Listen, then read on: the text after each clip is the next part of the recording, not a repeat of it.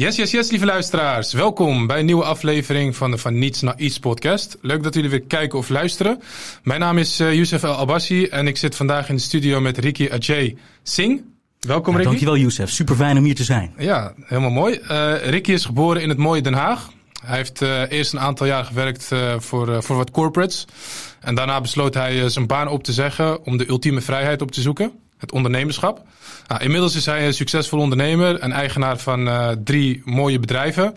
Hij is ook uh, succesvol muzikant. En uh, zijn ultieme droom is het opzetten van een weeshuis. En hiernaast is zijn levensmotto uh, make it happen. Dus ik zou zeggen, Ricky, uh, laten we het ontstaan van jouw succesverhaal onderzoeken. En let's make it happen om onze luisteraars te inspireren. Ja, ja zeker weten. Dankjewel. Allereerst mijn oprechte complimenten voor de studio. Ook voor uh, de eigenaar natuurlijk uiteraard. Supergoed. En dankjewel voor de uitnodiging. Ja, shout-out naar de podcastfabriek. Absoluut, een dikke shout-out. Graag gedaan natuurlijk. Welkom. Ik voel me vereerd om jou te interviewen. Hey Ricky, om uh, maar meteen uh, te beginnen uh, met de eerste vraag die we altijd stellen in deze podcast. Wat wilde je worden toen je klein was? Ja, die, deze vraag werd me eerst gesteld toen ik in groep 3, 4 was. -huh. Moest, weet je, zo'n papiertje moest je invullen, weet je wel. En ik, ik had erop geschreven vader. Dus mensen zeiden piloot, advocaat, moeder. Ik zei vader. Niet weten wat het precies betekent. Ik ben ook nu ook even geen vader hoor. Het is een bewuste keuze, by the way. Maar het leek me gewoon fantastisch als je dan je kind kan afzetten op school. Of je komt je kind ophalen, of het nou je dochter is, of het is je zoon, of wat het ook tegenwoordig is, met alle respect.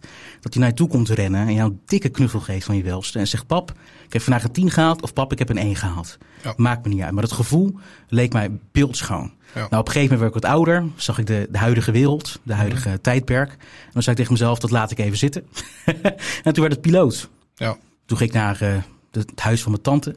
Ze woont super hoog, hè? Een van de hoogste gebouwen van Rotterdam, volgens mij. Mhm. Mm -hmm. Stond ik dus bij, uh, bij de deur en ik durfde niet naar beneden te kijken. Dus ik had hoogtevrees. Ja. Nou, een piloot met hoogtevrees, Amahula, dat gaat niet werken. Nee. En toen was advocaat uh, vanwege het pak. Dus ik had heel veel ideeën Mm -hmm. en tegelijkertijd ook bijna geen idee. Ja. En je was heel, je was heel jong op het moment dat al die ideeën zeg maar rondzweefden in het mooie hoofd van je. Um, wanneer kwam het moment dat je wel een idee begon te krijgen van welke richting je op wilde gaan? Ja, dat was echt in uh, groep 7 wederom. Dus eigenlijk op de basisschool. Ja. Want ik had daar een fantastische leraar, het meester André. Mm -hmm. helaas, over, uh, helaas gestorven, ook aan uh, kanker, zeg maar.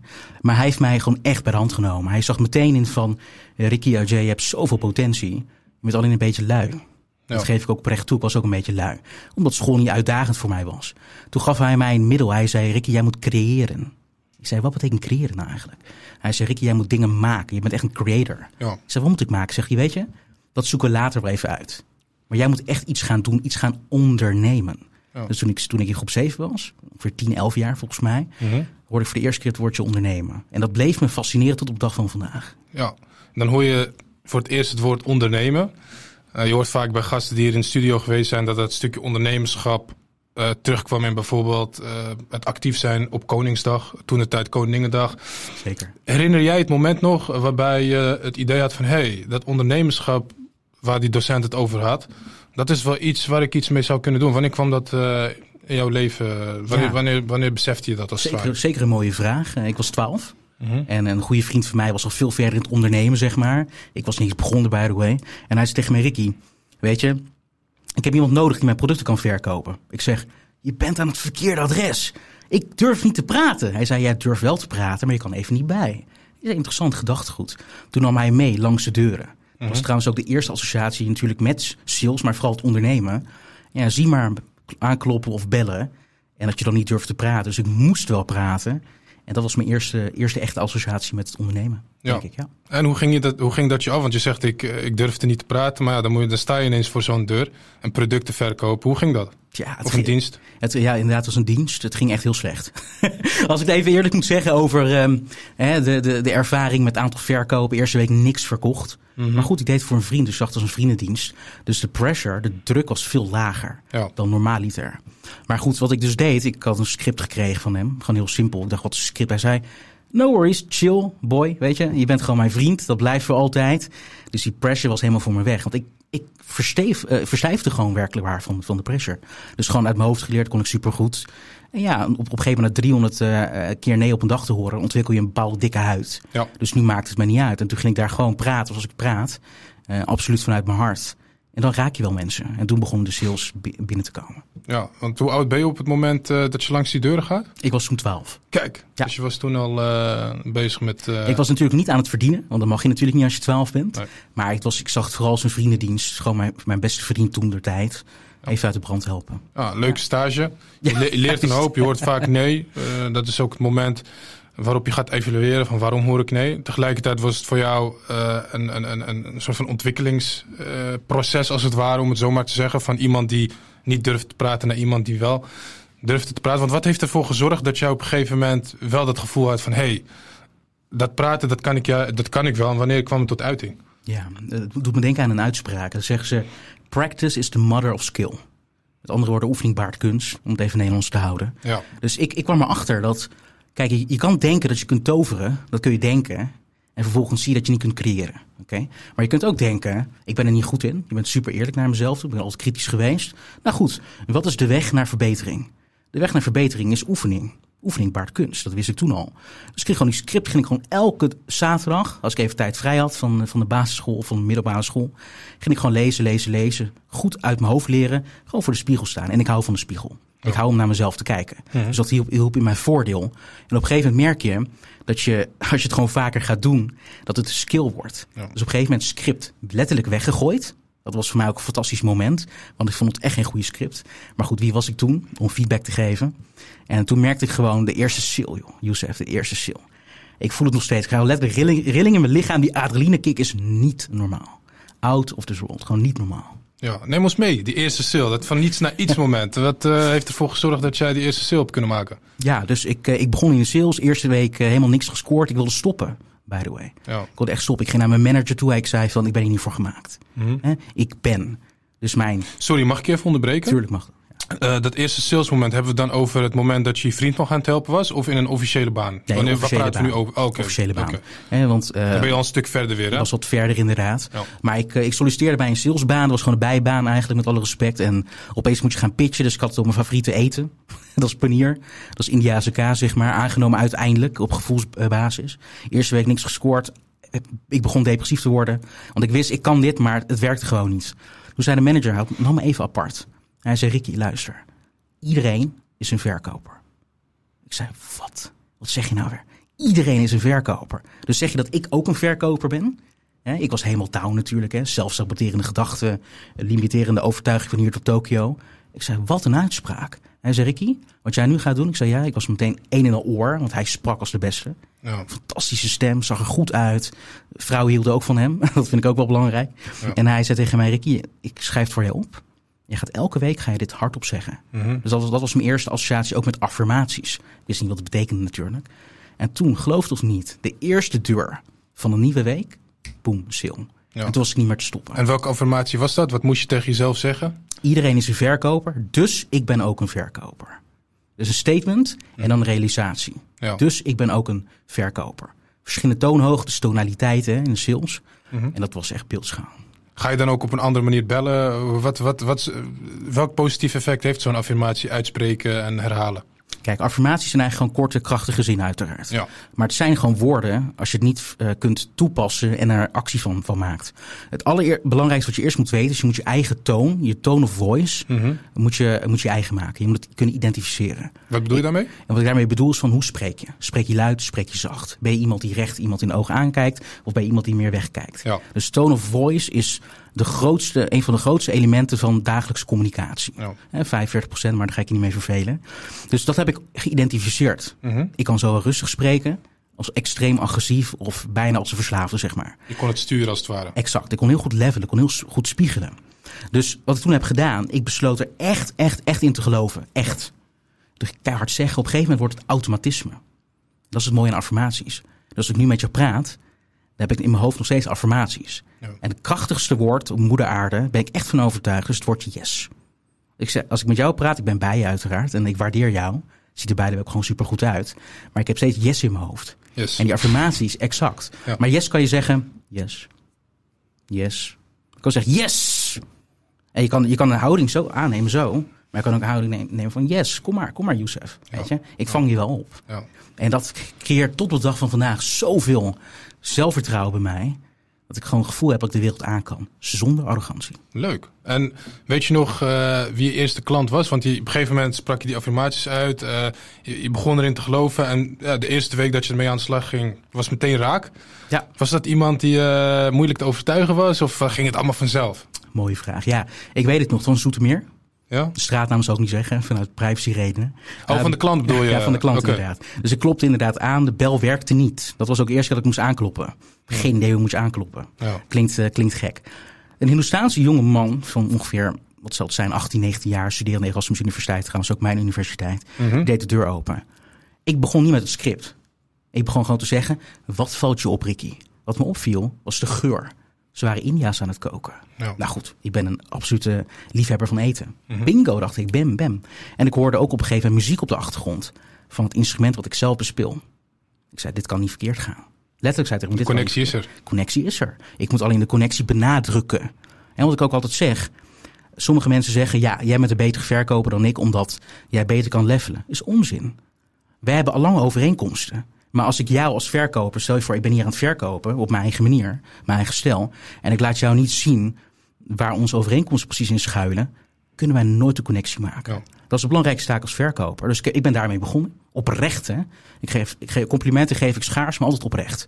En dat raakt, raakte de persoon. Mhm. Mm. Gunfactor was er absoluut. Weet je, ja. hoe staan. Je dag aan het strijden was het sneeuwde op die dag. Ja. Ik had bewust mijn bril aangelaten dat het beslagen werd. Weet je, een beetje Ja, gunfactor losweken. En op een gegeven moment zei hij van, weet je, waarom doe je maar één abonnement? Ik verkocht abonnementen. Had er vijf abonnementen aangeschaft. Kijk, Vijf. mooie eerste slag. Boom. Wauw. Was uh, Van briljant. iemand, van iemand die niet durft te spreken naar iemand die uh, juist goed kan spreken, zoals je vandaag de dag bent. En mooi om dan te zien hoe je dan die eerste klant binnenhaalt en ook beseft dat het level verhaal dat je goed moet levelen met, de, uh, met degene die tegenover jou staat, dat dat, dat heeft geholpen in, in, in het succes wat je bereikt hebt. Wauw, fantastisch. Want hoe oud was je op dat moment? Uh, ik was begin 16, 17. Leuk. Ja. Vervolgens ga je natuurlijk ook nog een studie doen. Dat is een bijbaan, gaf je net aan. Een bijbaan Zeker. met alle respect. Wat ben je op een gegeven moment gaan studeren? Ja, ik heb uh, gestudeerd aan in mijn ogen de beste universiteit van Nederland, Erasmus, in Rotterdam. Uh, ik kwam daar binnen op open dagen. Ik heb alle universiteiten bewandeld. En ik wilde gewoon echt een goede keuze maken. Mm -hmm. En op een gegeven moment kon ik geen keuze maken, want ik vond alles interessant. Hè, breed georiënteerd. De Ja. wereld ligt aan je voeten. En toen heb ik een keuze gemaakt voor bestuurskunde. En op basis waarvan? Niet op basis van de inhoud. Maar hij was een fantastische professor. En die had uh, groene uh, schoenen. Ja. Ik Dat dacht aan. Ja, ik dacht, ik, ik sprak me zeker. Ik dacht, uniek. Ja. En ik zeg, weet je, ik kan geen keuze maken, dus ik ga mezelf overtuigen. Dat kan je goed als je een verkoper bent, hè. Je kan je overtuigen van succes, maar ook van falen. Ja. heb ik gezegd, weet je, ik kies voor bestuurskunde omdat, ga je lachen, natuurlijk, vanwege die schoenen. En dat bleek de beste keuze te zijn, want bestuurskunde is een immens brede, brede opleiding. Ja. Dus ik kon, ik had recht, ik heb recht gehad, uh, publiek en privaat. Ik heb gezondheidswetenschappen gehad, maar ik heb het ook gehad over filosofie. Ja. Dus ik was echt op mijn plek. Ja, en op een gegeven moment heb je daar denk ik wel mooi uit kunnen filteren. Je bent bezig met heel veel verschillende vakgebieden, zoals je zegt. Uh, heb je daar op een gegeven moment een, uh, ja, een soort filter er doorheen kunnen halen en een keuze kunnen maken voor je vervolg van je leven? Ja, zeker. Want ik was uh, heel erg gefascineerd, ook tijdens de opleiding al, door leiderschap. Mm. Ik, ik, zag ook meteen in de, ja, met mijn beperkte visie uiteraard, in de maatschappij dat leiderschap toen te, draait om autoritair, autoritair zijn. Ja. Dat is niet waar. Dat directief leiderschap werkt op dit moment niet overal. Bijna nergens. Wat is directief leiderschap? Directief leiderschap is, Youssef, uh, je werkt voor mij omdat ik je baas ben. Oké, okay, ja. ja. Je hebt te luisteren naar mij omdat ik jou uitbetaal. Het is geen argument. Dat is tegen Youssef, Youssef zou zeggen, van tegen jou zou zeggen... hé, hey, luister nou, deze auto is voor mij omdat ik de eigenaar ben. Is geen argumentatie in mijn beleving. Nee. Wat voor mij wel argumentatie is, is als jij, als ik jou of iemand anders kan overtuigen van... je werkt weliswaar bij mij, je werkt niet voor mij, je werkt aan jezelf en ik dien jou. Nou, we zijn een partner. We zijn partners, partners in crime, positieve crime zeg maar. Ja. En dus dat, dat stukje dienend leiderschap, coachend leiderschap, dat je mensen oprecht probeert te helpen omdat, omdat ik net meer ervaring heb of ik ben toevallig de persoon die het bedrijf heeft ingeschreven en toevallig de persoon met meer middelen. Dat is gewoon de realiteit. Dus hoe, hoe denk je dan hemelsnaam dat jij zo arrogant mag zijn Ja. dat je inhumaan bent voor de andere persoon? Daar Ja. kan ik oprecht niet, niet tegen. Dus dat is op een gegeven moment het filter. Eh, dat haal je er doorheen. En je, je merkt dat dat hetgeen is wat het best bij je past. Ja. Waar je iets mee wil doen. Hoe heeft dat vervolgens uitgepakt in je vervolgcarrière? Ben je meteen gaan ondernemen? Uh, ben je eerst iets anders gaan doen? Hoe, uh, neem ons mee alsjeblieft. Ja, dank je. Nee, zeker niet. Uh, zeker niet gaan ondernemen. Ondernemen kwam niet voor op mijn lijstje eigenlijk. Niet? Nee, want ik was op mijn familiefeest. Ik was volgens mij 13, 14 of zo. Mm -hmm. En wij kunnen wel feesten hoor. Indiërs kunnen feesten. dat mag je van me aannemen. Het was een familiefeest. en ik hoorde een, een welbekend figuur in mijn familie, ik zal geen naam noemen, hoorde ik de magische woorden uitspreken. Hij zei tegen mij, uh, tegen iemand anders zei hij, mijn zoon wordt minimaal, hoort woordje minimaal, dokter of advocaat. Toen ik dat hoorde. En het magische woordje is dan minimaal? Minimaal. Okay. En uh, heel veel druk op mijn schouders uiteraard. Dus ik uh, ging gelijk googelen, hoe word je dat? Oh, VWO? Maar ik zit op VMBO. Zeg maar een soort van het laagste als je toch in gelooft. Dus op dat, op dat moment realiseerde ik mij van... oké, okay, ik moet gewoon die papiertjes halen. Ja. En uh, ik wist al, als je ondernemer wilt worden... heb je niet per se een papiertje nodig. Het is wel handig. Dus het ondernemen kwam helemaal niet op mijn pad. Mijn ouders, uh, mijn vader komt uit India, mijn moeder komt uit Suriname. Mijn vader heeft op de, op straat geslapen hier... Uh, om iets voor ons te creëren. Ja. Absoluut veel respect voor mijn vader. Um, maar ja, niemand is ondernemer. Waarom zou ik ondernemer worden? Ja. Dat overheerst op dat moment. Ja. Ja, op een gegeven moment, ja, je bent nu ondernemer, je hebt een tal ja, verschillende bedrijven opgezet. Uh, wat ben je dan gaan doen uh, na je studie? Ja, als bestuurskundige heb je een fantastische taak om bij de gemeente te werken. Oké. Okay. bestuurskundige. Kies je daarvoor uh, om bij de gemeente te werken of uh, is, dat het, uh, ja, is dat het logisch vervolg van bestuurskunde? Wat, bedoel, je, wat bedoel je daarmee? Ja, logisch vervolg, absoluut. Kijk, um, een bestuurskundige is iemand die veel verstand heeft van besturen, van politieke verhoudingen, ja. van dynamiek en dergelijke. Ja. Dus de gemeente, maar ook bijvoorbeeld bij wethouders of politieke partijen. Ja. Dat is waar ik, waar ik helemaal aan dacht. Nou, ik werkte bij de gemeente en ik heb heel veel respect voor de mensen die oprecht 40, 50 jaar gewoon echt de stad dienen. Of het dorp waar je ook bent. Maar ik merkte, het is niks voor mij. Nee. Dus toen heb ik daar stage gelopen bij de gemeente Den Haag. Dankzij de wethouder. Veel respect. Maar op een gegeven moment zei ik van ik moet sneller gaan. En ik, toen ging ik naar de corporate. Ik heb bij ja. corporates werken. Ja. En uh, bij, ik heb een recruiter geweest, sales manager geweest. En toen eind 2019 dacht ik bij mezelf, zes banen heb ik geprobeerd. Oprecht geprobeerd. Zes maanden lang volgehouden. Niet langer. Ja. Ik kan wel schuld geven aan het systeem. Maar ik kan ook een schuld geven aan mezelf. Uh -huh. En dan bedoel ik oprechte schuld van Ricky. Misschien werkt het gewoon niet voor jou. Dat was de enige optie, ondernemen. Ja. En toen begon mijn reis in het ondernemen. Want waarom, waarom werkte dat werknemerschap niet voor jou? Waar merkte je dat aan? Ja, ik merkte aan heel veel factoren. Maar om het even te reduceren tot een aantal... is het feit dat, uh, dat je gewoon die uren moet rijden. Ja. Het woordje moeten komt niet in mijn uh, woordenboek voor. Uh, sommige mensen in mijn uh, directe nabijheid weten dat als ze bij mij zeggen: Ricky, ik moet werken, dan krijgen ze van mij een betoog van hier tot Tokio. Ja. Want het is niet moeten, het is moeten willen, zeg maar. Ja. Ik wil vandaag werken. Ik wil, ik wil werken. vandaag de energie van Youssef proeven, omdat hij een fantastische podcast heeft opgezet en oprecht iets wil teruggeven aan de maatschappij. En dat doet hij met zijn, met zijn ziel en zaligheid. Dus dat werkt al niet. En ook oprechte momenten uh, als van ik uh, moest om half negen beginnen. Oh. half negen. Vind ik prima. Maar ik was één minuut te laat. En ik kreeg een telefoontje van mijn manager die zelf niet op kantoor was. Ja. En die zei tegen mij, Ricky, je bent te laat. Beetje krom. Beetje krom. Ik zei, klopt. Ja, maar wat ga je voortaan beter doen? Ik zeg, ja, ik kom op tijd. Dus dat werkte voor mij ook niet. Ja. ja. En uh, ik heb zelf altijd het gevoel gehad, want ik, ik, heb, ik heb ook wel bij wat corporates gewerkt voordat ik echt serieus begonnen ben met het ondernemen. Mm -hmm. Ik heb ook altijd het gevoel gehad dat je niet maximale impact kan hebben. En dat je daar ook voor uh, uh, beloond wordt, als het ware. Dus je kan misschien wel maximale impact hebben. Mm -hmm.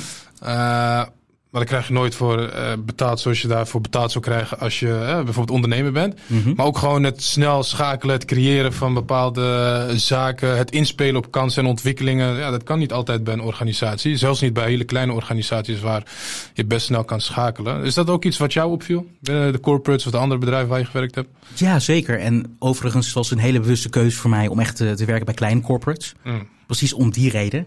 Want als je bij een kleine corporate werkt, die werkt met vier, vijf man, je wordt, je wordt gewoon sneller gezien. Ja. is, geen is dat een corporate, een klein bedrijf? Een klein, ja. Bestaat dat? Dus corporate is toch meestal een bedrijf met heel veel mensen? Uh, Klopt. Internationaal. Maar ik moet meer zeggen, het was meer een vestiging. Laat ik het ah, daarop houden. Een vestiging dus, van een corporate. Vestiging ah, van een corporate, dus een kleine afdeling. Laat ik het daarop houden. Ja. Klein gebouw. Uh -huh. uh, maar dat zeg je goed. Maar ik merkte gewoon, je wordt er gewoon sneller gezien. Je kan sneller er wordt zo verkocht natuurlijk. Hè? Oh. uh, sneller stappen zetten in de juiste richting. Um, dus voor mij was het ook een reden. Maar even waar ik, waar ik benieuwd naar ben, je zegt maximaal impact. Wat is het voor jou eigenlijk? Poeh, voor, ja, ik, ben, ik ben zelf ondernemer. Wat is voor mij maximale impact? Ja. Inspelen op kansen, mogelijkheden en snel schakelen. Wat ik zelf heb gemerkt, ik heb zelf bij Samsung gewerkt. Super mooie werkgever, een leuk bedrijf. Uh, alleen je merkt dat uh, een, een, een bedrijf als Samsung is gewoon een groot containerschip. Bepaalde procedures, processen. Als je iets in gang wil brengen, moet je eerst 15 akkoorden vragen. noem, noem het maar op. Uh, en ik ben meer een speedboot. Dus als ik iets zie, uh, als ik een bepaalde ontwikkeling meekrijg, dan wil ik daar meteen op in kunnen spelen. Ik wil snel kunnen schakelen. Een idee wat ik s'nachts bedenk, moet ik de volgende ochtend uit kunnen voeren. Dat vind ik, uh, uh, dat is wat ik maximale impact noem. en natuurlijk het inspelen, en dat is misschien wel het allerbelangrijkste, het inspelen op de behoeften van de klanten, dus jouw afnemers, het, uh, het, product wat je verkoopt of de dienst die je aanbiedt, mm -hmm. inspelen op die behoeften en daar het maximale uit te halen. Dus die combinatie, dat is voor mij het hebben van maximale impact. Mooi, mooi. Is dat een antwoord op je vraag? Dat is meer dan een antwoord. En volgens mij ben je ook aardig op weg. Ja. Al zeg ik het even zelf. Ja. ja. Dat gaat aardig goed, maar dan gaan we misschien nog een keer een aflevering aan wijden. Dan gaan we het over mijn verhaal hebben. Zeker. Um, ik ga zeker kijken, dat meen ik oprecht. Fantastisch, dankjewel. We zijn dus gebleven bij je hebt op een gegeven moment die baan opgezegd ja. bij die corporates. Uh, omdat je het gevoel had van ja, dit is toch niet iets wat helemaal bij mij past. Die ultieme vrijheid uh, waar je naar streefde, die, ja, dat, dat voelde je niet. Uh, het, ja, het was gewoon niks voor jou. Wat ben je op een gegeven moment na het ja, opzeggen van je baan gaan doen? Ben je meteen in diepe gesprongen of heb je eerst iets erbij gedaan naast je baan? Hoe, hoe is dat gegaan? Neem ons mee alsjeblieft. Ja, meteen in diepe. Meteen in diepe gesprongen. En Hoe gaat het dan? Ja, het gaat heel, uh, gaat heel lastig. Je hebt een nee. goed salaris? Nou, redelijk vast contract, wel. Ja, ik had uh, vast contract. Alles op mijn 22 al. Uh, dus vol voor de buitenwereld was ik de beste. Maar voor mezelf niet. Maar eind 2019 ontslag genomen. En vervolgens begon ik gewoon met 13 bedrijven. Wow. Ik, ik kon gewoon niet kiezen. En dat is niet om op te scheppen. Dat is zoals meer onwetendheid dan oprechte wijsheid. Dus ik wist ik wil dit doen, ik wil A doen, maar ik wil ook C doen. En eigenlijk wil ik ook iets doen wat niet in het alfabet voorkomt. Ja. Even om het zo te zeggen. Ja. En natuurlijk allemaal ook ingeschreven en falikant gefaald. Echt Mhm. oprecht slecht gefaald. Want uh, weet je, ik ben iemand, ik ben uitgesproken. Ik zeg gewoon waar het op staat. Dus ik vertelde aan bijna iedereen trots. Hè? Uh, voor mij verdiende trots, dacht ik. Van hé, hey, luister, ik ben nu ondernemer. Ik heb nu niet één, ik heb niet twee, ik heb er niet vijf. Ik heb ook niet acht, luister nou. En ik heb ook niet twaalf, hè. Ik heb dertien bedrijven. Ja. En mensen begonnen me uit te lachen. En uh, ik pakte het helemaal verkeerd op. Ik dacht oprecht van, deze mensen geloven het niet. Ik liet het ook zien. En later kwam ik erachter, weet je. Je kan wel zeggen, je hebt 13 bedrijven in je eentje. In je eentje, ik had geen team hè. Mm -hmm. In je eentje. En ik had nul ervaring. Nul, 0,0. Met oprecht ondernemen. Dus het opzetten tot administratie. Het opschalen tot het aannemen van mensen. Het ontslaan van mensen. Ja. En alles gebeurde uh, heel snel. Dat ik natuurlijk binnen, binnen twee maanden kapot was. Een burn-out soort van gekregen. En de omgeving komt dan naar me toe natuurlijk. En zeg ik, hey, hoe is het met je 13 bedrijven? Heb je trouwens je 14 al? Ja. En toen dacht ik bij mezelf, oh jee, het gaat niet, uh, gaat niet de juiste kant op volgens mij. Ja. Dus ik heb heel veel aldoende leert men heb ik moeten toepassen. En met veel mensen ook gesproken uiteindelijk.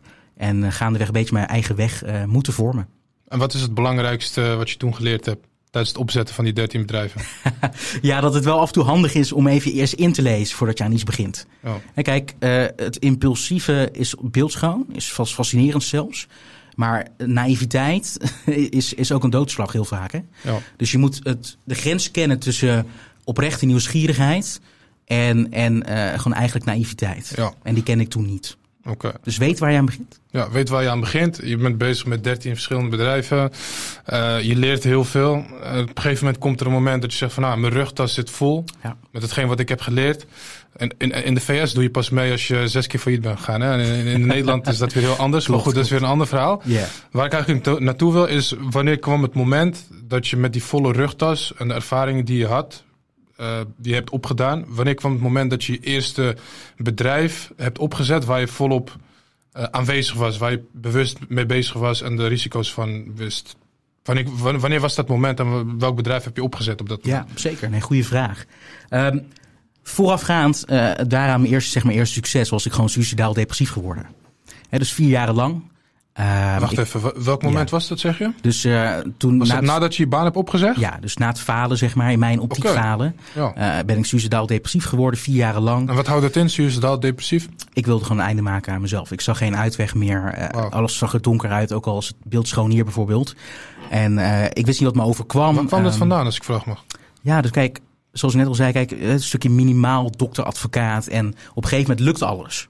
In jouw ogen, je had goede cijfers, uh, je ligt goed bij je ouders, je ouders zijn trots op jou. Je vindt het fijn dat je moeder en vader zo zeggen, dit is mijn zoon. En kijk hoe hij eruit ziet. Oh. Lievelingszoon, zeg maar, ook al ben ik de enige. maar, um, en op een gegeven moment kom je, alles lukt en op een gegeven moment loop je tegen, tegen obstakels op. Hè? En als je zoveel uh, dingen goed hebt gedaan, zeg maar. En op een kom je met je eerste obstakel. Je hebt geen enkel idee. Je hebt de skill niet opgebouwd om problemen op te lossen. En ik kon het goed van, de, van, de, van mijn buurman oplossen, maar ik kon mezelf niet, uh, niet redden. En uh, het komt dus overmatig kritisch zijn, weten tegelijkertijd dat je ontzettend veel kwaliteit hebt. Ben ik echt van overtuigd. Ben echt op moeder aarde gezet voor een bepaalde missie. En als je dan steeds onder jouw niveau presteert en je weet wat jouw niveau is, en je doet het vier jaar lang, ja, dat is frustrerend. Ontzettend frustrerend. Gesolliciteerd, afgewezen, 300 sollicitaties gestuurd. Zelfs op een gegeven moment voor, met alle respect, onder mijn niveau. Uh, werk gezocht, nog steeds afgewezen, want dan was ik weer te goed. En die andere was ik weer te slecht. Ja. En uh, dus dat was voor mij een. Uh, in het proces was het een, echt een vloek. Maar uiteindelijk is het de grootste zegen in mijn leven op dit moment geworden. Ja, want je hebt op een gegeven moment zelfs voor gekozen om dat ondernemerschap links te laten liggen en gewoon weer te gaan solliciteren. Ja, ja. En tegelijkertijd zeg je ook, uh, het was een vloek, maar tegelijkertijd ook een zegen. Wat is het belangrijkste wat je hebt geleerd uit die periode? Ja, een depressie is, is het volgende volgens, volgens mij. Oké, Een depressie is een signaal. Een signaal van je lichaam, mind, body en ziel, wat allemaal sync moet zijn, by the way. En ze zeggen tegen jou, zeggen tegen mij, Ricky, luister dan, hou op met acteren. Ga nou even terug naar de kern van wie je daadwerkelijk bent. En uh, dus je kunt, hoe lang kan je acteren? Er is een reden waarom een film uh, een bepaald einddatum heeft qua shooten. Hè? Want je moet teruggaan naar jij, wie, wie, ook, wie je ook bent. Dus dat signaal begreep ik niet. Op het moment dat ik toen iemand buiten tegenkwam, echt een engel. Gewoon een wildvreemde die, uh, die ik niet eens kende. Okay. En die, hij weet over wie ik het heb. die zei tegen mij, Ricky, weet je, waar zit je nou echt mee? Hij heeft niets bijzonders gedaan in zijn beleving voor mij. Maar hij luisterde gewoon naar mij. Hij, wilde, hij, hij veroordeelde mij niet van, hé Ricky, je loopt breed of je denkt dat je geweldig bent of wat dan ook. Hij zei, wie ben je? En toen heeft hij mij geleerd van, hé, hey, ga terug naar de religie. Ik ben ontzettend gelovig ook, ook spiritueel. Dus hij heeft mij weer geleerd om terug te gaan naar de basis. Maar in de wezenlijke optiek is depressie echt een signaal. Dat heb ik echt op de keiharde manier moeten leren. Maar dus ook voor de luisteraars, by the way. Stel je voor, je hebt uh, gevoelens van uh, lusteloosheid of het neigt naar depressie. Begrijp alsjeblieft, er is niks mis met jou. Behalve dat jij gewoon oprecht toe bent aan de mooiste fase in je leven. Jij bent momenteel aan het transformeren. Ja. En elke verandering doet pijn. De beste verandering voelt zelfs aan als een doodsteek. Ja. Tot je de verandering gemaakt hebt. Totdat je de verandering hebt gemaakt, perfect. Ja. Dus dat, uh, dat was zeker voor mij lastig. Ja. Je kwam de reddende engel tegen op straat, die ja. bereid was om naar je verhaal te luisteren zonder te, te oordelen. Hoe heb je op een gegeven moment doorgepakt om uit die depressie te komen? Ja, ik, ik kwam er echt achter dat uh, verveling voor mij een ziekte is. Dus als ik niks doe, oh. dan ben ik gewoon, word ik letterlijk gek. Mm. Echt letterlijk. Want ik ben echt actief, ik heb ontzettend veel energie en ik heb veel kwaliteiten. Mm. Maar als je gewoon zegt, ik ben niet van de persoon die zegt ik ga niks doen. Stel je voor, we gaan nu niks doen. Jij kan niet uh, stil liggen op een uh, strandbedje voor een paar uur. Uh. Nee, nee, nee. Voor, misschien als ik op een gegeven moment getrouwd ben, ben ik bewust op dit moment niet. Dan misschien wel voor mijn vrouw, maar daar heb ik het zeker voor over. Okay. Maar hey, luister, als ik reis, ik wil gewoon geld verdienen. Ja. Omdat ik mijn ultieme dromen wil realiseren en die vrijheid wil behalen. En het gaat best oké. Okay. Ja. Maar het belangrijkste wat je moet realiseren is, het leven is een ontdekkingsreis. Ja. En met ontdekken weet je maar één ding zeker, je gaat iets ontdekken. Dat is de enige garantie. Maar er is geen garantie op dat als ik zeg, ik wil Youssef ontdekken, of ik wil zijn levensverhaal ontdekken, en ik zeg, het moet uitkomen op A, B, C. Nee, je moet openstaan voor afwijkende realisaties in je leven. Ja. En dat is het leven in mijn beleving. Wauw. Wat een mooie, mooie uitkomst. Op een gegeven moment realiseer je dat. Hè? Dat is ook uh, hetgeen wat je helpt om uit die depressie te komen. Ja. Je gaat meer bezig zijn. Je komt erachter van ja, verveling is niks voor mij. Hoe uh, heb je doorgepakt en zelfs vanaf dat moment je eerste succesvolle onderneming opgezet? Ja, ik, uh, ik heb gewoon gezegd, ik heb gewoon gevraagd aan die reddende engel van waar denk je nou? We gingen toen al maanden om, hè? dus hij had wel enige idee. Ik zei -hmm. van waar blink ik je nou uit? En wees niet lief. Hij zei, ik ben ook niet lief. zei, oké, okay, ja, klopt, je bent ook niet lief. en hij zei tegen mij, Ricky, jij kan dus geen andere connectie maken met iemand. Mm. Ben je trouwens verkoop? Zei, ja, tuurlijk. Zeg je, waarom ben je het vergeten dan? Ik was vergeten dat ik gewoon een verkoper ben. Ja. Want hoe heb ik hem uh, aangesproken? Nou, ik, ben, ik heb hem gewoon aangesproken. Hij zei, weet je hoe weinig mensen dat durven laten staan doen? Ja, ja ik zei, oké. Okay. Hij zei, jij moet een salesbedrijf beginnen. Toen begon ik met mijn salesbedrijf. Dat was het allereerste bedrijf waar je mee bent Exact, dat was mijn allereerste bedrijf. Echt een oprechte salesbedrijf. En dat kwam in mijn donkerste periode, want ik eh, ben veel op LinkedIn bezig geweest. Op mijn verjaardag ging ik juist mensen toevoegen. Dat was mijn verjaardag op LinkedIn. En toen kreeg ik opeens een DM binnen of een persoonlijk bericht. En hij zei, eh, heb jij mensen? Ik had geen mensen, maar ik zeg altijd ja. Hè? Ik zeg altijd ja en dan zoek je het uit. Je moet optimistisch zijn. Optimistisch zijn. En niet onrealistisch, maar wel optimistisch. Ja. En zei, tuurlijk heb ik mensen. Ik ging als een speer bellen, bellen, bellen. Ik had in een week had ik 80 mensen die voor bij mij gingen werken. En ik had twee grote klanten. Maar het ging veel te snel. ik had Ja. groeipijn. Vandaar dat het eh, bedrijf uiteindelijk failliet is gegaan. Ja. Tenminste, dat je ermee gestopt bent. Ik ben ermee gestopt inderdaad. Want je kan ook te snel groeien. Ja, absoluut. Dus dat was voor mij ook weer een, eh, een leerpunt van je welste. Ja. We gaan altijd kijken naar, oké, ja, wanneer kwam het van niets naar iets moment? Eh, je gaf aan, klom uit die depressie, begon met het eerste salesbedrijf, besefte weer waar ik eh, goed in was. Ja. Ehm, en je kreeg een DM. Was het van, op LinkedIn, was het ook de eerste klant die je binnenhaalde voor het bedrijf? Ja, uiteindelijk wel. En waarom eh, heeft die klant uiteindelijk voor jou gekozen? Wat was het geheime recept? Wauw. Ik heb, dat is precies de eerste vraag die ik hem heb gesteld. Ik zei van, luister nou, je ziet aan mijn cv dat ik eh, een sabbatical heb genomen, zeg maar. Ja. Gewoon even rustpauze. Hij zei, ik heb een gevoel bij jou gehad. En het was een beetje zweverig, maar hij meende het wel oprecht. Hij zei, ik moet jou gewoon DM'en. En ik ben gaan onderzoeken. Uiteindelijk begreep ik het wel. Want hij heeft ook wat referenties opgehaald. Stiekem achter mijn rug om. en dat mocht voor mij blijkbaar ook tussendoor. En eh, hij zei van, ik, eh, ik was niet op zoek naar iemand die echt eh, op zijn toppunt van zijn carrière was. En volgens mij ben je dat niet. Zei, dat ben ik nooit. En dan zei hij van, daarom kies ik voor jou. En toen grote klant binnengehaald. En is daar een gesprek aan vooraf geweest, face-to-face of telefonisch? Wanneer hebben jullie die connectie gemaakt? Ja, eerst eh, allemaal DM inderdaad. Toen WhatsApp. Het lijkt wel een datingcyclus, hè? Ehm, toen allemaal ge- gewhatsappt. En op een gegeven moment eh, moesten we even facetimen, zeg maar. Ja. Maar Hongkong en een tijdverschil, dus ik kon even niet slapen. Toen gebeld en het ging zo makkelijk. Hij, hij zei meteen van, weet je, ik, normaal gesproken heb ik een proces van hier tot Tokio. Maar ik zie jou spreken, ik zie, jou, ik zie een twinkeling in je ogen. Ja. Dat ik zelf niet eens door had. En hij zei tegen mij, ik kies voor jou. Leuk. Ik zei, en papierwerk en dat soort dingen. Hij zei, weet je, ik doe het voor jou. Ja. Dus hij heeft me oprecht gegund. Ja. En toen hebben we echt een aantal maanden supergoed samengewerkt. Uh, en ik ben op de dag van vandaag hem ontzettend dankbaar. Hij is ook een soort van mentor voor mij geworden. Ja. Uh, dus dat was een hele mooie ervaring voor mij. Ja. Wauw. Op een gegeven moment groei je te hard. Ja. Te veel uh, opdrachten, te veel mensen, waardoor het uiteindelijk ook weer een beetje doodbloedt als het ware. Exact. Je groeit harder dan je aan kan. Je zet heel veel andere verschillende bedrijven op naast het eerste bedrijf. In welke sectoren was je allemaal actief? Ja, vooral in de sales, een stukje opleiden ook. Mm -hmm. Want ik ben, een, ik ben een goede verkoper, maar ik ben een excellente opleider. Okay. Ik ben er van achter gekomen toen ik 16 was, was een keer gevraagd voor, uiteraard onbetaald. ik durfde nog geen geld te vragen toen, hè, zogenaamd bedeesd zijn. Um, was ik gevraagd voor een, om een keynote te geven Mhm. mm -hmm. uh, over een onderwerp waar ik helemaal geen kaas van had gegeten. Maar ze wisten dat ik erover kan praten. En toen was iemand in het publiek en die, zei, die had me eruit gepakt en die zei tegen mij: Je hebt talent, jij moet gaan spreken.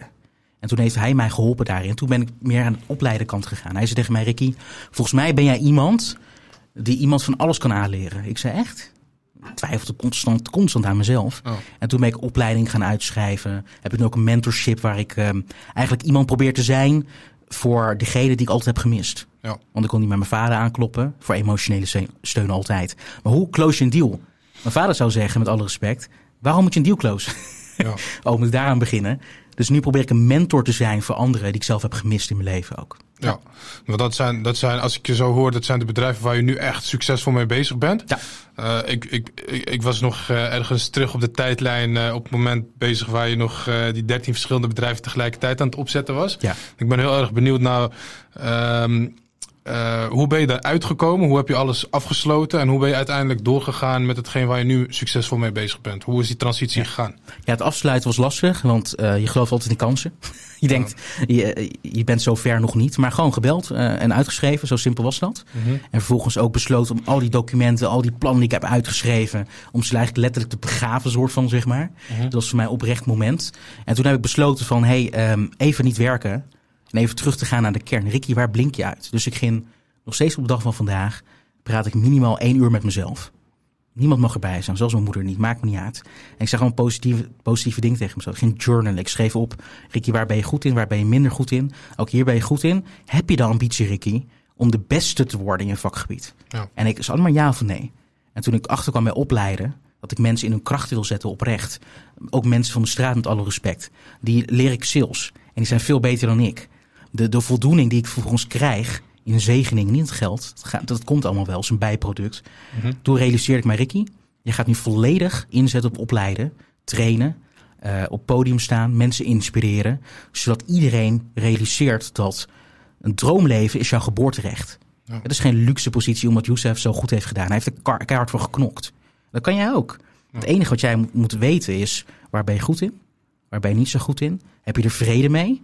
En hoe kan jij die switch zetten van denken in beperkingen naar denken in oneindige mogelijkheden? Ja. En dat is een stukje herprogrammeren. Ja, Dat heb ik toen ook gedaan. je bent op een gegeven moment inderdaad na gaan denken van oké, waar ben ik goed in? Wat, wat, waar krijg ik energie van? Ja. Wat voelt echt als een passie? Dan kom je tot een bepaalde conclusie. Ja.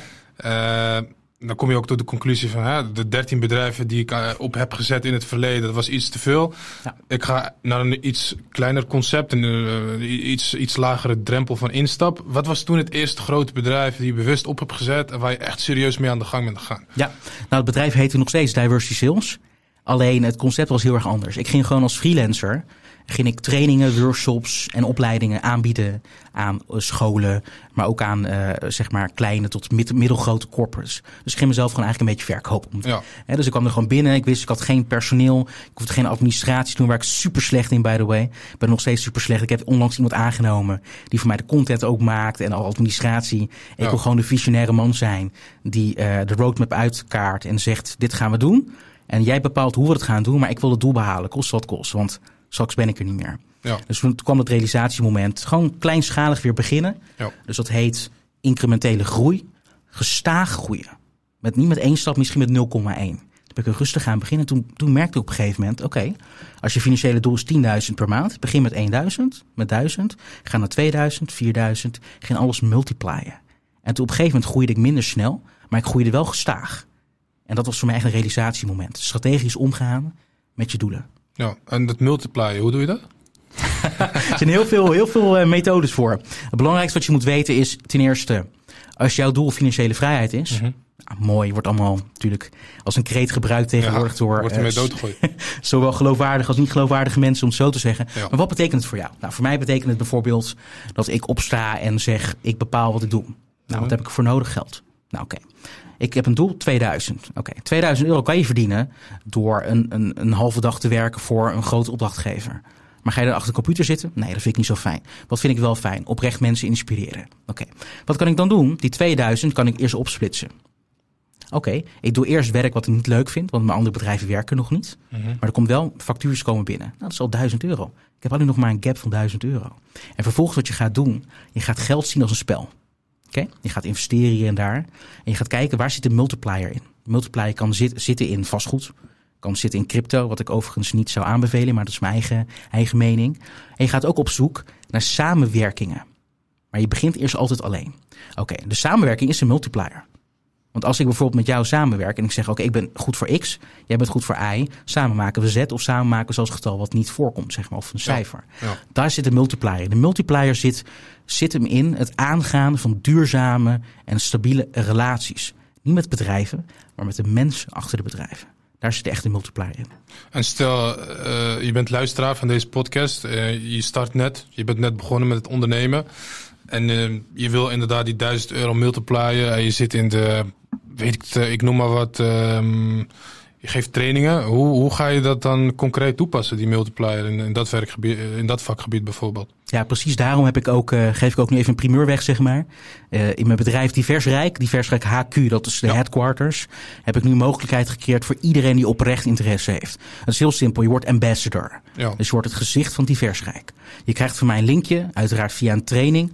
Als mensen kopen via jouw linkje en je promoot de producten, diensten of services, krijg je dus tot 40% commissie. Mhm. En dat tikt heel snel aan. Want Ja. 40% commissie, zeg ik in alle oprecht, heb, heb ik nooit verdiend. Bij mij was het altijd 5, 5 tot 11%. Ja.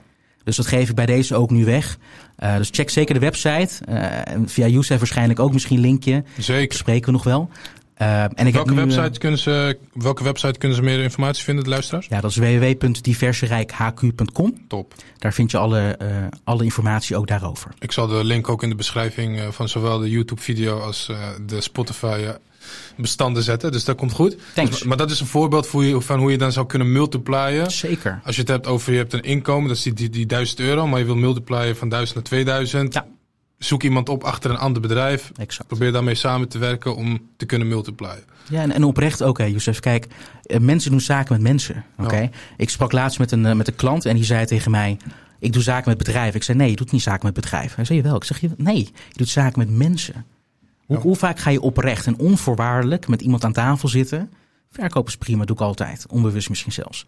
Maar hoe, ga, hoe vaak ben je nou echt oprecht geïnteresseerd in wat jou motiveert? Ja. Wat jou drijft? En dat voelt iedereen, want het zijn allemaal gevoelsmensen.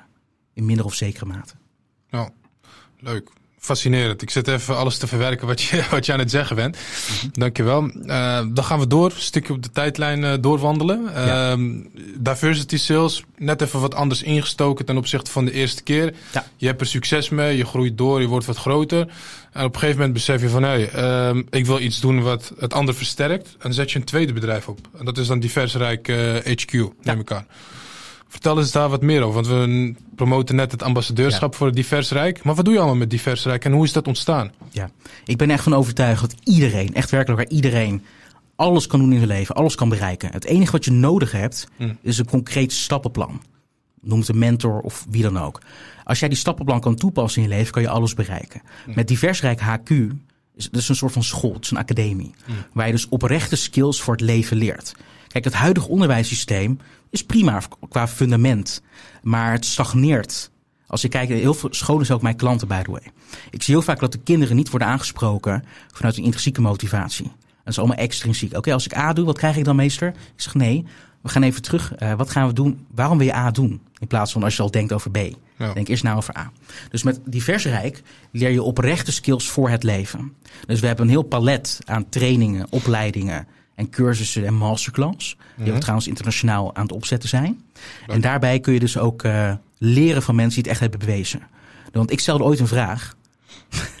toen ik in de collegebanken zat, uh, Erasmus Universiteit. En uh, toen was er een, een fantastische, een hele aimabele professor. En die zei, die zei heel erg stellig van, luister, er is maar één manier om geld te verdienen. En je kunt, je kunt echt maar één keer winst maken. En ik was toen geen ondernemer. Ik zei, maar dit is onzin.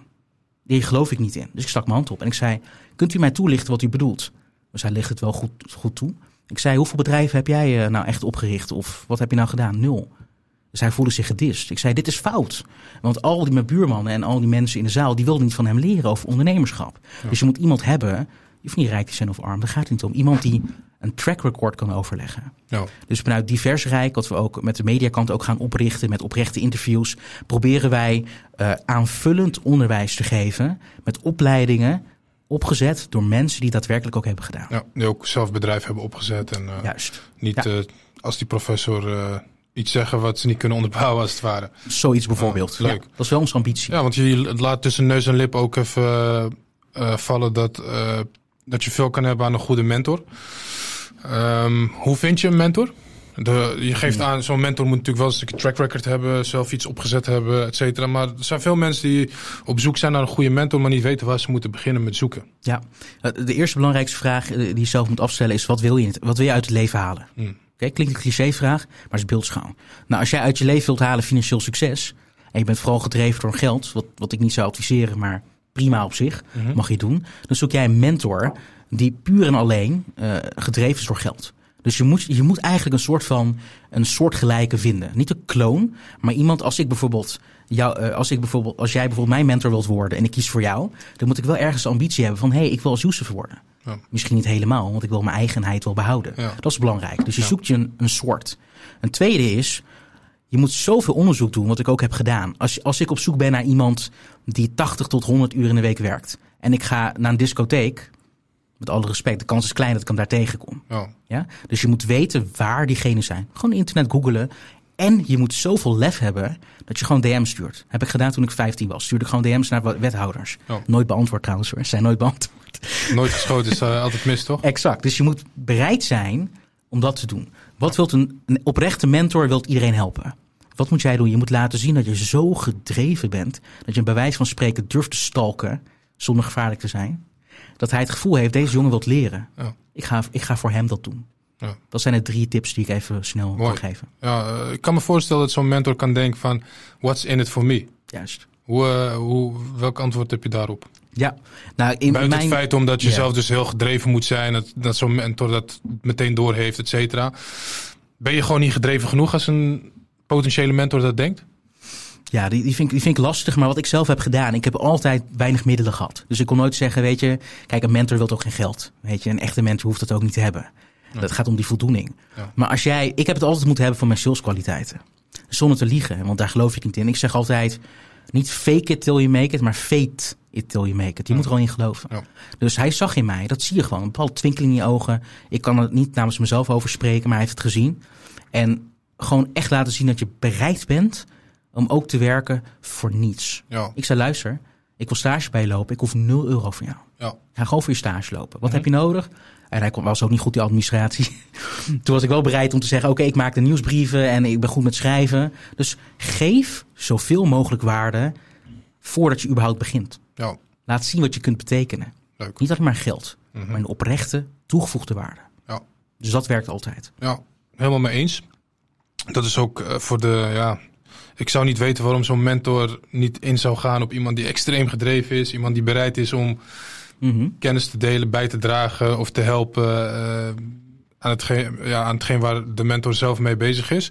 Dus ik denk dat dat hele goede tips zijn. Je bent zelf ook mentor, gaf ik in de introductie al aan. Ja. En volgens mij heb je nog wel een aantal plekken beschikbaar voor mentees. Kun je daar eens wat meer over vertellen als je wil? Jazeker. Ik heb op dit moment ben ik op zoek naar 10 mentees. Je Mhm. volgt een mentorship programma waarin je één op één met mij kan schakelen. Ehm, ik heb eh, zowel ervaren als echt beginnende ondernemers in mijn netwerk. Dus eh ja, ondernemersvragen kan ik beantwoorden. Ik kan je oprecht ook meenemen in een ondernemersreis. Heel veel mentees worden uiteindelijk ook ambassadeurs, omdat zij de kansen zien.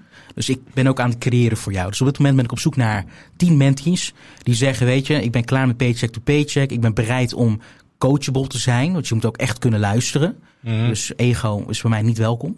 Mhm. Maakt net wie, wie je denkt dat je ook bent. Maakt Schiet niet ook niet op. Schiet ook echt niet op, dat zeg je goed. Dus die team mentees kunnen bij mij starten in een mentorship programma. Ehm, en dan kunnen oprecht gaan kijken van waar liggen jouw behoeftes. Sommige mensen willen überhaupt gaan nadenken over mindset, oké? Want alles begint met het herprogrammeren. Daar heb ik aparte programma's voor. Hoe kan jij met jezelf praten, dat je daadwerkelijk jezelf al in een baan van succes manoeuvreert? Mhm. Sommige mensen zeggen, hey, ik heb al miljoenen omzet, maar ik, die multiplier vind ik niet. Ja. Dat, dat is meer een coach track, dus C-level executives. Maar er zijn ook mensen die gewoon, dat is ook zo, mensen naar me toe komen en zeggen, ja, ik, eh, ik ben al zoveel jaren single en ik kom niet aan een vrouw. Wat kan ik doen? Ja. Dan moet je werken aan je eigen waarde. Je moet, ik geloof dat iedereen, elke man, laten we man zeggen, de potentie heeft om een high-value man te kunnen zijn. Ja. En een high-value man doet, doet maar drie dingen. Ja, dat zijn de drie P's. Protect, beschermen natuurlijk. Providen, oftewel in principe kunnen voorzien in alle behoeftes. En iemand die daadwerkelijk een purpose heeft. Dus als je die drie, drie elementen hebt, dan zit je volgens mij prima. Dus ik probeer met, eh, met mijn menties en ik ben super blij. Eentje is een, eh, is een restaurant begonnen eh, in het buitenland, terwijl Mhm. hij helemaal niet kan koken. Maar hij heeft de juiste mindset en heeft de juiste mensen gevonden. Ja. En die is ontzettend goed in het opereren van businesses. De andere persoon is weer teruggaan naar het solliciteren. Dus ik geef ook sollicitatietrainingen.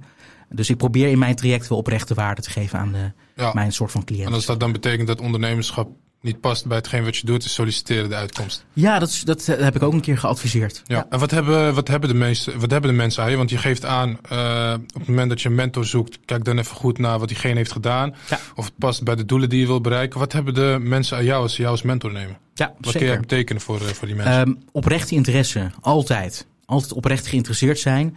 Ik ben iemand die best veel heeft gezien in het ondernemerschapswereld. Van een stukje administratie, het schalen, tot ook het echt ontslaan van mensen. Dus als je op zoek bent naar iemand die jou kan voorzien in het brede palet van het ondernemen, ben je maar aan het juiste adres. Maar ook iemand die ten alle tijd menselijk blijft. Ik zie heel veel mentoren, ook in mijn eigen netwerk, die naast hun schoenen gaan lopen. ja, Die zeggen, weet je, luister, nou, ik ben een mentor. Dat zou je bij mij nooit proeven. gewoon luisteren. Dus als je op zoek bent inderdaad eh, naar een stukje skillset Mhm. en menselijkheid en oprechte empathie, dus inlevingsvermogen, dan zou je zeker even kunnen kijken. Leuk. Eh, maar er zijn maar alleen maar tien plekken op dit moment. Meer Ja, kan waar kunnen de mensen zich aanmelden voor de mensen die dat interessant vinden? Ja, eh, sowieso op twee plekken. Ja. Dat is diversrijkhq.com, Ja. maar ook een persoonlijke website, rickyajsing.com. Fantastisch, man. Nou, dan hebben we de eerste twee bedrijven die je hebt opgericht na het moment dat je suicidaal depressief was. Ja. En jezelf eigenlijk een soort van gereset hebt. Wanneer kwam het moment dat je het derde bedrijf eh, hebt opgezet? Ja. vertel daar eens wat meer over, alsjeblieft. Ja, dat moment was eigenlijk heel spontaan. want ik heb heel veel ideeën. Mhm. En mijn roadmap is heel simpel van live. Oké, Van 0 tot 20 is het educatie. Ja. Puur gewoon in schoolbanken zitten en luisteren. Van 20 tot 40 is het business. Oké. Van 40 tot 60 is media. Oké. Voor mij. En van 60 tot mijn dood, ik weet niet wanneer ik dood ga, is het puur charity work. Dus ik droom van een weeshuis. Dat als je kijkt naar de twinkeling in de ogen van de kinderen ze kwijtraken, als je oprecht hun kan helpen. Fantastisch. De, de zegen, echt, is niet normaal. Als je gewoon ziet met kinderen, wat je, wat je kan, kan doen met kinderen al. Oké. Maar ik merkte al wel dat uh, muziek natuurlijk ook voor mij heel erg belangrijk is. En uh, muziek wordt heel vaak in mijn uh, gemeenschap nagedacht over de site, suf. Want ik speel klassiek muziek, hè? ik speel alle trommels. Dus ik laat elke zondag, elk weekend zou ik op het podium laten ik zien wat muziek voor mij heeft betekend. Want je zei het goed, die reset heeft alleen maar twee redenen gehad. Komt er twee dingen. Eén, religie. En tweede, muziek. Want muziek is voor mij meditatie. Het kan mij transformeren en het brengt me in een andere dimensie, letterlijk. Van dat ik even alles kwijt ben. Dat is een skill die iedereen zou moeten kunnen beheersen. Dus met mijn muziekbedrijf onder meer, mm we weten dus nu Adidas, ook samen met een partner by the way, proberen wij ook nu ook mensen oprecht in die stroom van muziek te brengen. Van hey, ehm, als jij, het is ook bewezen trouwens, hè, als jij een muziekinstrument bespeelt, wat het ook is, je kunt sneller in patronen denken. Je herkent ook dingen veel sneller. En je kunt veel sneller problemen oplossen. Dus nu met Adidas zitten wij in de beginfase. Dus een beginfase. Gaan we nu veel toeren, wereldwijd ook. En op een gegeven moment zie ik het zeker zitten om een platform te bouwen. Waarin wij mensen ook oprecht uh, de, de commerciële kant ook van muziek laten zien. Ja. Want leuk en aardig dat jij acht uur op een dag oefent. Maar als er geen rode cent binnenkomt, ja, dan heb jij stress, jongen. Ja. En je kan geen, je kan geen muziek, muziek maken met stress. Ja, leuk. En eh, volgens mij is het zo dat al die bedrijven die je nu opgezet hebt, ehm, op een bewuste manier, dat ze elkaar versterken en uiteindelijk allemaal bijdragen aan het ultieme doel. Het opzetten van het weeshuis. Klopt dat? En als dat zo is, kun je daar wat meer over vertellen? Zeker, het klopt 100%. procent. Uh, het is niet dat ik bijvoorbeeld een Tesla wil oprichten en vervolgens een bouwbedrijf of wat dan ook. Uh, ik probeer altijd heel erg bewust te leven. En bewust leven betekent dat je elke seconde van de dag, letterlijk elke seconde van de dag, automatisch eerlijk moet zijn naar jezelf. En je weeshuis is altijd op mijn radar geweest. kijk, uh, mijn roots zeg maar, of de roots van mijn ouders liggen in India. Okay? Ik ben daar geweest een aantal keer op vakantie. En mijn hart breekt letterlijk. Als ik zie dat je daar de Taj Mahal hebt. Die ken je waarschijnlijk wel. Mm dat gebouw. Maar letterlijk misschien 10, 20, 30 meter zie je gewoon mensen op straat slapen. Oh. En die groot mensen, contrast. Groot contrast, dankjewel. En ik, ik merkte gewoon echt oprecht toen ik daar was. En het was een aantal jaar geleden. Waarom zouden ze op straat moeten, moeten leven? Ik had toen niks, hè, dus kon er niks van betekenen. Letterlijk had ik niks. En ik zei tegen mezelf: Ik ben echt van overtuigd dat zij veel slimmer, veel meer kwaliteit hebben dan ik zelf. Maar ze hebben gewoon niet de middelen. Ja. En een goed leven is een geboorterecht. Toen heb ik gezegd, toen ben ik, ook, nog, toen ben ik ook naar uh, weeshuizen gegaan hè, om te kijken hoe is het nou. En ik heb er één dag meegedraaid. En natuurlijk heb je uitdaging hier over en weer. Maar als je ziet dat die kinderen oprecht jou gewoon bedanken, dat, dat raakt me echt hoor. En ik ben ook met vele scholen met kinderen bezig, natuurlijk basisschool, maar die hebben wel een Tesla of een Porsche. Dat is een ander, ander verhaal. Die zijn hier geboren, dat is anders, Die zijn geboren. Maar als kinderen naar me toe komen en zeggen, je bent de beste, vinden zij hoor, vind ik niet, maar je bent de beste leraar ooit, je hebt een hart van goud. Kinderen kunnen niet liegen, zeker in die fase niet. Mhm. En ik zie, het, ik zie het bijna als mijn morele plicht om zoveel middelen te hebben, dat ik op een gegeven moment zoveel kan teruggeven. Dat is echt een multiplier voor mij. Teruggeven is een multiplier voor mij. En als ik kan zien van, ik kan zeggen, dit kind eh, dacht dat hij niks kan. Die werd verstoten door ouders of wat mhm. dan ook. En is bij fel uh, neergelegd. Dat gebeurt dagelijks in India, by the way. Zo. Ze maken kinderen als de beste. Maar zorg voor de kinderen is een tweede. Dat ik kan zeggen, hey, ik heb hun begeleid en kijk waar ze zijn. Die zegeningen, Youssef. Echt, je bent ook gelovig. Uh, ik geloof ook in menselijkheid. Maar we leven nu in een wereld wat zo individualistisch is ingesteld. En wat, waar leven wij? We leven in een samenleving. Hoe kan je apart leven in een samenleving? Hoe vaak kan je nou even oprecht terugkijken naar die ene goede vriend van jou? Hoe vaak stel je oprecht de vraag, hoe is het met je? Ja. Niet de formaliteit, hoe is het met je en wat kan je voor me betekenen? Nee, hoe is het oprecht met je? Ja. Dat is het gesprekken worden niet, worden niet meer gevoerd bijna. Nee. Want we, we, rennen, we rennen, we rennen, we rennen. En met een weeshuis uh, is ook een stukje legacy, hè? Ben heel eerlijk in. Kijk, wij, ik ben sterfelijk, jij bent sterfelijk. Maar je wordt onsterfelijk als jij iets kunt achterlaten. Ja. Dat mensen zeggen, weet je, dit heeft hij achtergelaten en dit willen wij gewoon in stand houden. Ja, fantastisch. Ik denk dat het een absoluut mooi einddoel is. Uh, waar je je ook mee bezig kan houden van 6 tot 80. In, het vierde levens, in de vierde levensfase van, van je leven, zeg maar, als het ware. En je bent goed op weg om dat allemaal te verwezenlijken. Je bent bezig met mooie projecten. Uh, de bedrijven die je opzet, die versterken elkaar. Die zorgen er ook voor dat je impact maakt. En voor zorgen dat je uiteindelijk naar dat einddoel toe werkt. Als ik aan jou vraag, uh, Ricky, uh, waar zou je graag over vijf jaar willen staan? Je bent nu 29. Ja. Je zit in de tweede levensfase bijna. Wat is het doel voor, uh, voor binnen nu en vijf jaar? Ja, kijk, als je kijkt naar de, de meeste problemen in de wereld. Hè. De meeste problemen worden opgelost, opgelost door ondernemers. Ja. Een probleem van watertekort, een probleem van voedseltekort, noem het maar op. Ja. Dus ik probeer zoveel mogelijk goede ondernemers te creëren. Vandaar de opleidingen, vandaar de trainingen. Over vijf jaar hoop ik, hoop ik meer dan honderden, gewoon honderden ondernemers te hebben gecreëerd. Die ook oprecht kunnen zeggen dat ze bezig zijn met impact. Geld komt erbij. Geld is een bijproduct ja. van de waarde die Het is niet het doel, het is het middel. Exact, dus het middel. Zelf, uh, Precies, maar heel veel mensen begrijpen dat en jij gelukkig wel. En ik probeer honderden ondernemers te hebben gecreëerd en echt nog meer track record hebben opgebouwd. En ook kunnen, kunnen hebben gezegd dat wij dit hebben betekend voor ABC. Want als je mensen in hun kracht zet, ik zet een uh, Piet-Jan Hendrik of een Mohammed of een Akash of, een, uh, of wie dan ook in hun kracht. En je ziet ze groeien, ziet ze evolueren. Dat je kan zeggen, hij had geen geld voor een opleiding. Hij heeft een gratis opleiding bij mij gevolgd of wat dan ook. En hij heeft nu een fantastische baan. En hij heeft nu eindelijk heeft hij zijn vrouw, uh, heeft hij een vrouw gevonden. En ze hebben nu een fantastisch gezin. Dus dat is echt wat ik probeer te creëren. Er is niks mooiers dan dat. Dat is ook hetgeen wat wij willen bereiken met deze podcast. Hè? Mensen die luisteren uh, en die wij kunnen bewegen tot het ondernemen van actie om uiteindelijk te ondernemen. Of misschien juist niet. Dus ik denk dat dat uh, een mooi uitgangspunt ja, een mooie uitgangspositie is. Ja. En dat gaat je ook zeker wel lukken. Um, binnen nu en vijf jaar, misschien wel eerder. Um, dus dat, uh, dat is hartstikke mooi. En uh, als ik aan jou vraag, um, Ricky, jouw ultieme droom om een weeshuis op te zetten. Is dat iets wat echt in die allerlaatste levensfase komt? Of is dat iets waarvan je zegt, dat wil ik nu al opzetten binnen nu en tien jaar? En in die laatste levensfase pas echt van genieten. Wat, wat is daar de roadmap van als ik uh, jou dat uh, ja. zou mogen vragen? Zeker. Nee, kijk, uh, ik, ik hou niet van uitstellen. Ik hou wel van plannen. Ja. Ik, ik, als het mij ligt, heb ik het vandaag al. Ja. Kijk, ik wil het wel samen doen, op zoek, naar, op zoek naar de juiste mensen. De mensen met de oprechte hart, die ook sociaal ondernemer zijn, echt impact willen realiseren. En die ook verder zijn dan ikzelf. Er zijn ja. heel veel die veel verder zijn dan ikzelf. En ik hoop uh, een keer samen te kunnen zitten met iemand en uh, oprechte gesprek te voeren. En ik weet trouwens ook al wie. Ja, ja. ja, ja ik ook. maar alsnog een extra oproep voor uh, degene die luisteren. Als, als, als er iemand is die luistert, die ook diezelfde ambitie hebt. Wees dan niet uh, beroerd om uh, een kopje koffie te gaan drinken met Ricky of een kopje thee. Zeker. Um, voor de rest, ja, we sluiten de podcast altijd af met, uh, met, met een laatste vraag. En die vraag die luidt eigenlijk als volgt. Ja. Um, welk advies zou je mee willen geven aan mensen die luisteren, die graag willen gaan ondernemen? Ja, ten eerste realiseer je dat het, dat het leven jouw leven is. Het is jouw leven. Dus je bent puur en alleen 0% verantwoording schuldig aan wie dan ook. Ja. Jij bent de creator. Het zijn geen mooie woorden. Als jij er echt in gaat geloven, dan realiseer je ook dat jij vandaag, op dit moment als je al luistert, kan creëren.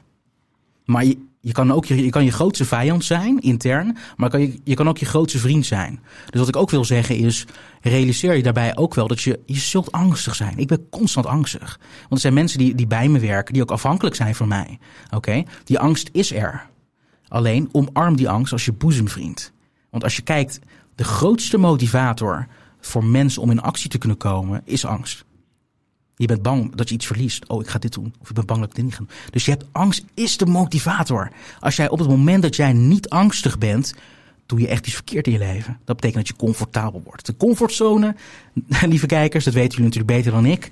Maar als jij in de comfortzone vastzit, dan wordt het lastig. Maar zelfs dan lukt het, maar dan moet je weer opnieuw beginnen. Dus omarm angst. En het laatste wat ik nog wil zeggen aan de kijkers ook is, ga terug naar oprechte menselijkheid. Ik bedoel, leer mensen zo behandelen zoals je zelf behandeld wil worden. De bekende uitspraak niet van mij. En dat begint gewoon met de kleine dingen. Wees geduldig en ongeduldig. Dus geduldig op, uh, op zeg maar microniveau. Dus kleine stappen. En ongeduldig op macroniveau. Ja. Dus het bigger picture, houd het in je, in je gedachten. En, en weet, jij moet falen. En jij zal falen. Ik garandeer je, ik ken jou niet eens, maar je gaat falen. Maar om te va als je faalt, alleen dan begrijp jij wat succes betekent. Ja. En ik heb dat op de harde manier moeten leren. Prima, ik wens je hetzelfde toe, by the way. maar word dan wel wakker. Ja. Het leven is te kort, joh. Het is ja. echt te kort. Fantastisch mooi uh, advies om mee te eindigen. Beste luisteraars, ik zou zeggen, doe er wat mee. Uh, dit is goud advies. Um, meld je ook aan voor het ambassadeurschap voor Divers Rijk. Um, ik, zou ook zeker, uh, ik zou ook zeker gebruik maken van de mogelijkheid om Ricky als mentor uh, aan te nemen. Daar ga je een hoop van leren. Uh, voor de mensen die jou willen volgen, uh, waar kunnen ze jou allemaal vinden? Ja, je kan me overal vinden op de naam Ricky Ajay Sing. Op LinkedIn vooral ook, ben ik heel veel bezig. Dus als je me een persoonlijke bericht wil sturen, doe op LinkedIn. Ja. Je mag hem ook altijd mailen inderdaad, maar volgens mij gaan we het ook noteren er, ergens onderin. Ja. Uh, en beschreven afwijkend, ik wil ook nog even zeggen, oprechte waardering ook voor Youssef, dus ook voor de kijkers. Uh, volg deze jongen oprecht. Um, hij is goed bezig, jong, fris, fruitig. Maar ondanks zijn, zijn succes staat hij volgens mij met beide benen op de grond. Ik heb geen enkel uh, smaakje van egoïsme om te proeven, zeg maar. dus volg hem zeker, want volgens mij gaat hij echt op plekken komen. Dankjewel, dankjewel. Nou, beste luisteraars, zoals jullie het horen, volg uh, Ricky. Uh, surf naar zijn website, maak gebruik van alle mogelijkheden die we jullie bieden hier, uh, die we besproken hebben. volg ons ook op Spotify zodat je als eerste op de hoogte bent van uh, de mooie aflevering die uh, straks online staat met Ricky en andere gasten. Abonneer je op ons YouTube kanaal. En uh, ik zou zeggen bedankt voor het kijken. Bedankt voor het luisteren. En tot de volgende keer. En Ricky, jij bedankt voor je tijd nogmaals. Bedankt voor de uitnodiging. Graag gedaan. En mogen je heel groot worden, yes? Dankjewel. Yes, beste luisteraars, tot ziens.